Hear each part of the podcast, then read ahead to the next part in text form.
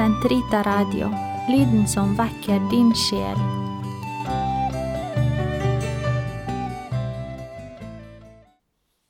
Den katolske kirkes katekisme, uke fire, søndag, paragraf 2581 til 2586.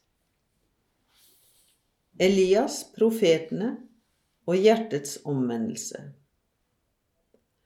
For Guds folk skulle tempelet være det sted hvor de skulle lære å be. Pilegrimsferder, fester, ofringer, kveldsoffer, røkelse, skuebrød, alle disse tegn på den meget høye og meget nære Guds hellighet og herlighet, var kalt til bønn og veier som ledet til den. Men eh, ritualisme forledet ofte folket til en altfor ytre kult. Undervisningen i troen og hjertets omvendelse manglet.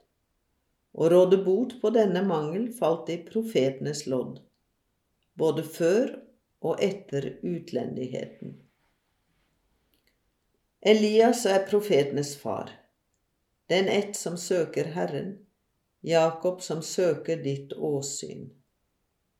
Navnet hans, Herren er min Gud,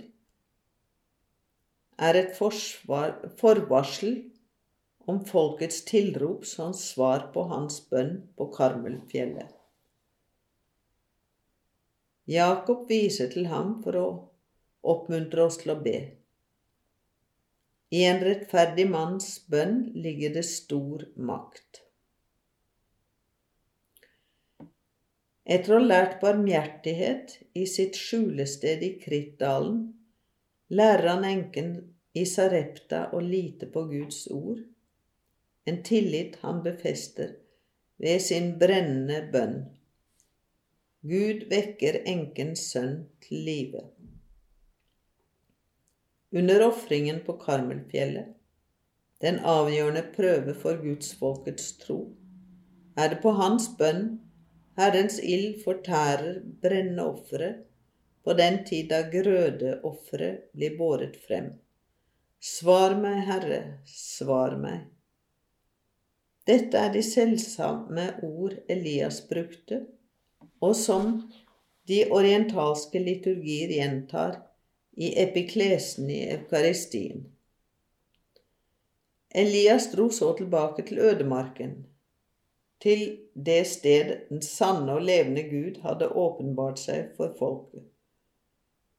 Og til sist gjemte han seg lik Moses i en hule, inntil Guds gåtefulle nærvær gikk forbi. Men det er først på Forklarelsens berg at den hvis åsyn de søkte, gir seg til kjenne. Kunnskapen om Guds herlighet lyser over den korsfestede og oppstandende Kristi ansikt. I enesamværet med Gud henter profetene lys og kraft til det de er sendt for. Deres bønn er ikke flukt fra en vantro verden, men lytting til Guds ord, under tidens samtale eller klage, og alltid forbønn i påvente av og som forberedelse til at den frelsende Gud historiens herre skal gripe inn. Salmene, menighetens bønn. Helt fra Davids tid og inntil Messias komme inneholder de hellige bøker bønnetekster som vitner om fordypelse i bønn, både på egen og andres vegne. Salmene ble litt etter litt samlet i fem bøker. Salmene, eller lovsangene, den gammeltest testamentlige bønns mesterverk. Salmene nærer og uttrykker gudsfolkets bønn som menighet under de store festene i Jerusalem og hver sabbat i synagogene. Denne bønnen er på en og samme tid personlig og kollektiv. Den angår dem som ber, og alle mennesker. Den stiger opp fra det hellige land og fra adsbredelsen, men den omfatter hele skaperverket. Den minner om fortidens frelsesgjerninger og strekker seg mot historiens avslutning.